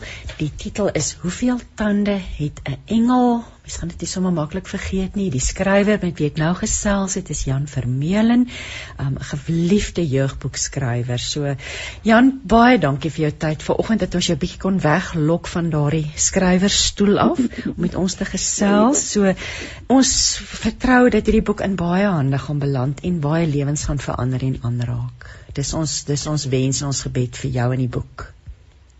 Baie baie dankie Christine en wonderlike geleentheid om so met julle te gesels. Nou sit sommer weer vir my inspirasie om om agter die laptop te gaan sit en te begin werk. Baie dankie ek waardeer dit baie. Dit was ons plesier. Kom ons luister na musiek. Salvador gaan vir ons sing Aware. Ons passie vir die lewe op 657 Radio Kansel en 729 Kaapse Kansel. Dit was toe inderdaad nie Aware deur Salvador nie, maar Made Me Glad deur Michael Neil waarna ons nou geluister het. Jy luister nou met hart en siel. Dit is 10:37 en nou gaan ek gesels met Dawie de Villiers. Um môre Dawie. Goeiemôre, hoe gaan dit? Goed en met jou, Dawie. Ons ken jou as lid van die gewilde sanggroep a cappella groep Navy Red, maar jy's vandag die direkteur van 'n bemarkingsmaatskappy, jy's die stigter van 'n voedingsinisiatief waaroor ons nou nog gaan gesels, maar ek wil dadelik nou vir jou vra, hoe maak 'n mens nou die skuif van sanger na sakeman? ek dink elke sanger in Suid-Afrika is tog maar een, een of ander manier 'n sakeman. Ek dink veral as dit is nou so so taaf gaan om uh, om optredes te doen en so ek dink elke elke ou het maar diep binne in hom moet maar bietjie van 'n sakeman wees. Nee, ek het so 'n hele paar jaar terug toe ek klaar gemaak het met Navy Red, ehm um, en ek het verhuis na Kaapstad toe of in die Parel in die Wes-Kaap en ehm um, en ek het nog altyd belang gestel in bemarking en uh toe ek uh, in 2016 my eie maatskappy begin, 'n bemarkingsagentskap uh Uniparel. En die, mis jy die gesingery of sing jy nog? Man, ehm um, en ek en ek in die kerk is ek deel van die van die, die worship span, so ek uh, ek mis ek mis die fisies op op die verhoog staan en uh vir vermaak te bied vir mense. Ek dink dit is altyd sal altyd 'n deel van my lewe wees om kreatief te wees en op 'n verhoog te staan en te sing vir mense. Uh, mis ek nogal baie. Ehm um, nie so noodwendig al die rondtoere ry en dan weg van die huis af wees nie. Ek dink dit is was maar 'n tol order. Ek dink elke kunstenaar sal maar mense sê ehm um, dit is maar 'n tol order om weg te wees van die gesin af en so maar ja. ehm ja. um, maar ja, ek dink die fisiese gesin gesink vir mense mis ek nogal ja.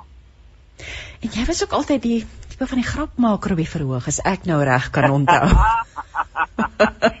ja, ag nee, ek was met die die jongeling in die groep, maar ek meen nee, so 10 jaar se voltydse sanger was 'n 'n groot gedeelte van my lewe gewees en uh ag en ek meen as jy uh, op die ouderdom van 19 jaar net dit doen en hierdie land toer en sing. Ek meen ja. what's not to love? Absoluut. Ek wil nou vir jou vra 500k per day. Dit is ehm, 'n um, inisiatief wat jy begin het. Waarom en wat behels dit? Ek sê ek het verlede jaar September ehm um, so met my bemarkings ehm um, werk het ek by 'n groep in Wellington aangekom. Die stigter maak Myngard ehm um, die groep se naam Outside the Bowl Africa is 'n nuwensgewende maatskappy wat hoofsaaklik 'n droom gehad het om in 2025 of 10 die jaar 2025 500 000 kinders per dag te kan kos gee en met my bemarkingsagtergrond en met my netwerke met bekendes en so in die industrie het um, ons hande gevat en net gesê ons kan 'n reuse verskil maak en en nasionale reklame kan gee hande te vat om uh, vinniger daai doel te kan bereik van om om kinders kos te gee. Die die stories, ek meen ek het self twee kinders ook van my eie. Die stories wat um, ek kan vir jou kan vertel en goed wat ek gesien het met kinders wat net glad nie kos het vir dae om te eet nie. Ja. Het my eintlik nogal net aan die aan die uh, hart geruk en ehm um, en net ge, gesê maar die netwerk wat ek wel het, ons kan almal kan hande vat en 'n reuse verskil maak om die die selfs net 'n klein bietjie uh, te kan gee om om 'n uh, uh, uh, groot verskil in kinders se lewens te maak. Hoe hoe gaan julle dit doen? Wat is wat wat wat behels dit alles? Want dit is 'n groot droom. Ek wil 500 000 is baie. Dis baie. Dit is 'n dis 'n reuse droom. Hoe hoe gaan julle dit doen? Goed, so wat ons wat ons heidaglik doen is ons kry maatskappye aan boord om gesamentlik hande te vat en deur vir hulle nasionale reklame ook te gee ehm um, en nie net 'n uh, 'n 18A sertifikaat byvoorbeeld te gee uh, soos wat ons doen dit wel ook so, om, maatskappye aan boord te kry en jy kan jou 18A sertifikaat kry deur om 'n verskil te maak. Maar ehm um, ek dink die groot hoekom 500k per day uh tans ook nou 'n sukses is is om om maatskappye in te kry en nasionale reklame vir hulle te gee en om deel te word van die inisiatief om ek meen 500 000 ek weet dit dit klink baie maar vir die benodigdheid daar buite, dit is so 'n druppel in die emmer. Daar is miljoene kinders wat nie kos het om te eet nie. So ons ons probeer maar 'n klein bietjie van 'n verskil maak deur om te begin met die ehm um, 500 Cape Day initiative. Jy het ook 'n paar bekendes wat jou ondersteun natuurlik vanuit jou sang daar neem ek aan um, early bees betrokke Jacques de Plessis Josha na die reën die lys gaan aan um, so wat Alwyn Bruinder staan hulle ander het, het betrokke geraak wat is jou beroep hoe raak hulle betrokke wat is dit die bekendstelling daarvan Absoluut. Ek dink die groot ding in veral in Suid-Afrika met enige nuwensgewende maatskappye is om vertroue te bou. Ehm um, jy weet mense wil altyd sien die rand wat ek gee gaan wel na die doel waarvoor dit ehm um, ingestel is voor. So ek dink om om vertroue te skep is die grootste rede hoekom ons bekendes mekaar getrek het en ehm um, uh, maatskappye wat ook al reeds 'n naam het wat ehm um, vertroue kan gee vir die publiek of vir nuwe maatskappye daar buite net om te sê dat die geld wat jy gee gaan wel na die kinders toe. Kyk hier, ons doen dit deur media, ons doen dit deur bekende saam te trek. Ehm um, om om wel donasies te vra. Want ek meen op op die ou einde van in vandag se tyd almal beklei agter dieselfde rand aan.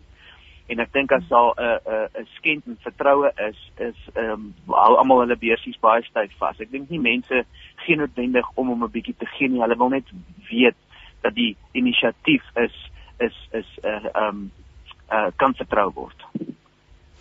Het julle al 'n paar suksesstories het jy is daar al stories wat jy met ons kan deel? Um um, ja, op uit die aard van saak jy's persoonlik baie betrokke. Ehm um, wat sien jy daar buite? Hoe hoe lyk 'n kind wat wat nie wat wat is ja, wat is die impak van wanvoeding of ondervoeding? Ja, nee, absoluut. Ek dink die uh een van die grootste goed wat ons gesien het veral tussen ouderdom van 2 en 6 jaar oud. Um, kan ons dadelik sien dat dit help nie jy gee net vir 'n kind bereis of pap of so nie, maar mens wil eintlik groei die kind sien nie met uh breinkos. So die tipe produk wat 'n outside the bowl Africa ook gee, en noem ons Vita Kids. So dit is 'n hoë voedingswaarde pakkie of ete wat daai kind kan kry wat 85% van die voedingswaarde bevat wat daai kind nodig het om te kan groei in daardie dag. Ehm um, ek dink so die die verskil wat ons al reeds gemaak het van verlede jaar af, ons trek op 134000 kinders 'n dag wat tans kan kos kry, een ete 'n dag kan kry en en dit word ook gemeet. Ek dink die groot gedeelte hoekom die inisiatief ook 'n sukses is, is die die verslag wat ons op 'n maandelikse basis vir die donateurs ook gee. Dit gaan oor body mass index, dit gaan oor om die kinders te meet ehm um, nie net met fisiese groei nie, maar ook in die skole waarby hulle betrokke is en om natuurlik dit baie naby te monitor en dan verslag te kan gee oor hoe goed hierdie voedingswaarde kos eintlik is vir kinders. Weet jy en natuurlik deel van ons roeping as gelowiges is, is om vir die armes te sorg. Ons is dit die Here roep, ons word daaroor aangespreek in die woord. Um dis baie interessant. Jy sê ek, ek gaan hier 'n aanhaling hê oor iets wat jy gesê het. Jy sê dat jy glo niks is verniet nie en dat 'n mens slegs vrede en betekenis in die lewe kan vind as jy bereid is om hard te werk en te glo. Brei vir ons 'n bietjie uit op daai stelling. Daar's nogal baie waarheid daarin vasgevang, nê? Nee. nee, absoluut. Ek dink veral van my agtergrond van kunstenaars af, een van die grootste goed wat mense altyd ehm um, op jou lewe kry is teleurstelling. En ek dink om om aan te hou hard werk en eintlik dan op 'n op 'n daaglikse basis agter te kom wat het jy nê nee? ons het so baie en dan die klein bietjie ek meen die etes dis 2 rand 'n ete. En as jy baie mooi dink aan die bietjie verskil wat jy kan maak net om aan te hou werk en 'n verskil te maak in ander mense se lewens. So ek het net op 'n punt gekom waar ek sien van my sang af, sangloopbaan af reg weer met my maak en hoe geseënd ek is in besigheid ook. Kan jy mooi sien die legkaart stukkies wat die Here vir my met op my pad gesit het en op die ou einde kan sien maar die doel hierso is nie net om vir jouself aan 'n lewe te maak nie, maar as jy werklik daaraan werk om 'n verskil in ander mense se lewens te maak, dan kan jy op 'n daaglikse basis die verskil in jou eie lewe ook sien. Dis nou interessant, dis nou ja, eh, op op ons WhatsApp lys het iemand ek probeer dit nou net hier oopmaak, ehm um, wat eintlik sou 'n gepaste Ag nee, ek kry dit kom net probeer op maar so mooi dit sê to be rich is not what you have in your bank account but what you have in your heart. Dis het een van ons luisteraars vir ons gestuur het. Ehm um, so ja, dit dit gaan daaroor wat ons deel met ander nê. In terme van die toekoms wat ek, ek wat wil jy sê 500 000 stap vir stap so die idee is om al hoe meer en meer mense betrokke te kry. Is daar vrywilligers wat kom help met die werk ook of is dit meer nou net om mense te kry om om bydraes te maak? Ek dink die die die hoof fokus van 500 Cape per day is om die donasies te kry van mense, soveel as moontlik mense om hande te vat. En ek dink dan het ons die gerespekteerde maatskappye, nuwensgewende maatskappye soos Outside the Ball Africa wat die harde werk doen. Hulle het daai befondsing nodig om die fisiese koste kan maak en dan te gaan uitdeel na ECDs wat ons noem Early Childhood Development Centers. Ehm um, en nou die die die die nood daar buite is so groot en hulle het 'n landwyd is daar reeds so baie ECDs wat vir kos vra. Ehm um, en en ek dink so die die harde werk van om die kos te gaan aflewer en vir die kinders te gee en die monitering daarvan te doen is er al reeds by uh, Outside the Ball Africa waarmee waarmee ons hande gevat het. So ek dink die hoofdoel van 500 Cape per day is om die bewusmaking te kweek van om vir almal te vertel jy kan 'n reuse verskil maak deel om deel te wees. Ehm um, het sy dit 'n persoonlike donasies of dan hoofsaaklik maatskappye om hande te vat en te hmm. sê ons wil graag nasionale reklame hê vir ons besigheid en die manier hoe ons dit wil doen is ons wil deel raak van die storie om vir kinders te sorg. Dawie as mense meer wil lees of meer wil uitvind um, oor die projek, jy het verskeie uh, sosiale media skakels nie waar nie. Ja, ja, ons is oral op uh, vanaf Facebook tot Instagram tot LinkedIn en Twitter en oral is Firebander Cape Day, maar ook meeste van die inligting sal dan wees op ons webtuiste is firebandercapeday.com. Ja, groot drome wat julle ook mee besig is en sukses ons nie hande vat en mekaar help nie. Um, ek sommer so ter afsluiting, wat leer jy jou kinders rondom dankbaarheid? Um, as 'n pa, as 'n gelowige pa en wat wat werk met mense wat wat swaar kry en en by so 'n projek betrokke is. Wat leer jy jou kinders? Ag, afsit, ek het eintlik so 'n mooi storie om te vertel my dogtertjie. Ehm um, sy's nou 8 jaar oud en ek het vir haar die stories en die foto's gewys. Ons het by 'n uh, een van hierdie outreaches gekom waar ons gaan kos uitdeel het en dis waar ek letterlik gesien het waar 'n 'n kindjie 'n koerant eet net om van hongerpyne ontslae te raak want dis dit gaan oor hom maagkrampe wat hy kry want hy's honger. En die kind eet hulle maak die hulle maak die koerant nat sodat dit soos 'n pap is. En dan kan hulle dit eet sodat hulle maag kan vol wees en dan nie meer honger is nie en ek vertel vir haar toe die storie om te sê dat dit is wat die kinders het om te eet en toe sy die aantal gebedjies sê dan sê sy ook en baie dankie vir wat ons het en baie dankie vir en gaan asseblief saam met die kindertjies daar buite dat hulle nie meer hoef koerante eet nie dat hulle van pappa se kos kan eet. So ek dink ek dink die die groot ding wat ek vir my kinders net probeer leer is wees dankbaar vir elke liewe ding wat jy het, maar wees ook bewus van mense wat nie het nie en gee waar jy kan. Absoluut. So dit ek gaan net julle uh ja, so as mens is daar 'n webwerf of moet mense na na die na die watter webwerf? Is daar 'n webwerf vir 500? Ja, vir die webwerf 100k per day. 100k per day.com. Ja. Okay, so dis al www500 is 500k per day um .com as jy meer wil weet. Dawie, baie dankie vir jou tyd vanoggend. Ons wens julle alle voorspoed toe en ek glo en vertrou dat julle julle droom sal kan bereik om 500 000 kinders te kan kos gee teen 2025. Baie dankie, baie dankie vir vir vir julle op wat die onderhoude met ons hou net om die woord verder te kan versprei. Ja. Ons het elke bietjie hulp nodig en ek waardeer dit opreg. Seën vir julle en ons ja, jene ons mis mis maar jou stemmetjie op daar by Navy Red. So. maar alles wat mooi is, Dawie, en nogmaals dankie. Jo. Ek wil graag ons ons het nog so 'n minuut of twee oor van die program en ek wil graag vir julle voorlees uit Liset Marie se sielskalender wat in die winteruitgawe van Leef ehm um, verskyn wat nou by op die rakke is en Liset sê vir ons laat God en sy gees jou lei om met meer geduld te leer leef. Dan moedig sy ons aan Lankmoedigheid. Die Bybelse woord lankmoedig beteken om baie te kan verdra sonder om ongeduldig te word. Aan die een kant beteken dit om nie gou kwaad te word nie. Aan die ander kant veronderstel dit 'n leefwyse van terugtreë en wag en verwag. Om lankmoedig te wees is 'n manier van lewe. Dan verwys hy na opvleentheid. Party mense is baie opvleend. Die geringste woord of optrede van ander wat nie in hulle smaak val nie, lei tot 'n woedeuitbarsting. 'n Opvleende mens is dikwels onredelik en sê goed waaroor hy of sy later spyt is. Ons moet altyd Prediker 7 vers 9 in gedagte hou. Moenie gou kwaad word nie, dit is 'n dwaas wat gou kwaad word. En dan oor geduld. Dit ongeduld is 'n teken van onvolwassenheid. Filippense 2 vers 4 vermaan: "Julle moenie net elkeen aan jy aan sy eie belange dink nie, maar ook die aan ook aan die van ander. Wanneer jy wegkyk van jouself, kry jy begrip en geduld vir ander." En dan sagmoedigheid. Sy sê dit bly 'n uitdaging om mense wat jou deur 'n verkeerde optrede uitdaag met geduld te hanteer. Die alternatief vir ongeduld is om die persoon in liefde reg te help, soos Paulus ons in Galasiërs 6 vers 1 aanmoedig. As iemand in die een of ander sonde val, moet julle wat julle deur wat, wat julle deur die Gees laat lei, so iemand in 'n gees van sagmoedigheid reghelp.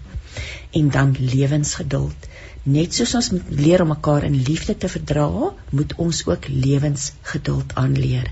Ons moet leer om te wag God se pad met ons is 'n pad van geduld. Dis nie 'n pad van blitsantwoorde of kitsoplossings nie. En dan sê Lizet verder: Wag op God. God wil hê dat ons op hom sal wag meer as op enigiets anders. In Psalm 130 vers 6 sê die psalmdigter: My siel wag op die Here meer as wagters op die môre. Ons verlange moet na hom wees en na en na dit waarmee hy ons kan seën, nie na dit wat ons in ons kortsigtigheid begeer nie. En dan praat sy en sy sluit die stukkie af met um, 'n stukkie oor die geduldige een. Christus is die groot geduldige. Hy wag op ons. Soos die pa in die gelykenis van die verlore seun op sy kind gewag het, wag Christus op ons tuiskoms. Hy word nie moedeloos of ongeduldig nie. Hy wil hê dat ons ons oë op hom sal rig met geduld en groot verwagting. So my seun vir my gebed vir elkeen van julle wat ver oggend luister is dat ons hierdie geduld in hierdie moeilike tye vol uitdagings ons eie kan maak en dat ons ons oop die Here hou, dat ons nie moed verloor nie, dat ons bly fokus op God en dit wat hy vir elkeen van ons in gedagte het. Ons gaan afsluit. Ek sê dankie vir Woesie Leo vir die tegniese bystand vir oggend en ons gaan nou luister na Salvador wat vir ons aware, aware sing. Ek groet jou dan tot volgende week. Totsiens.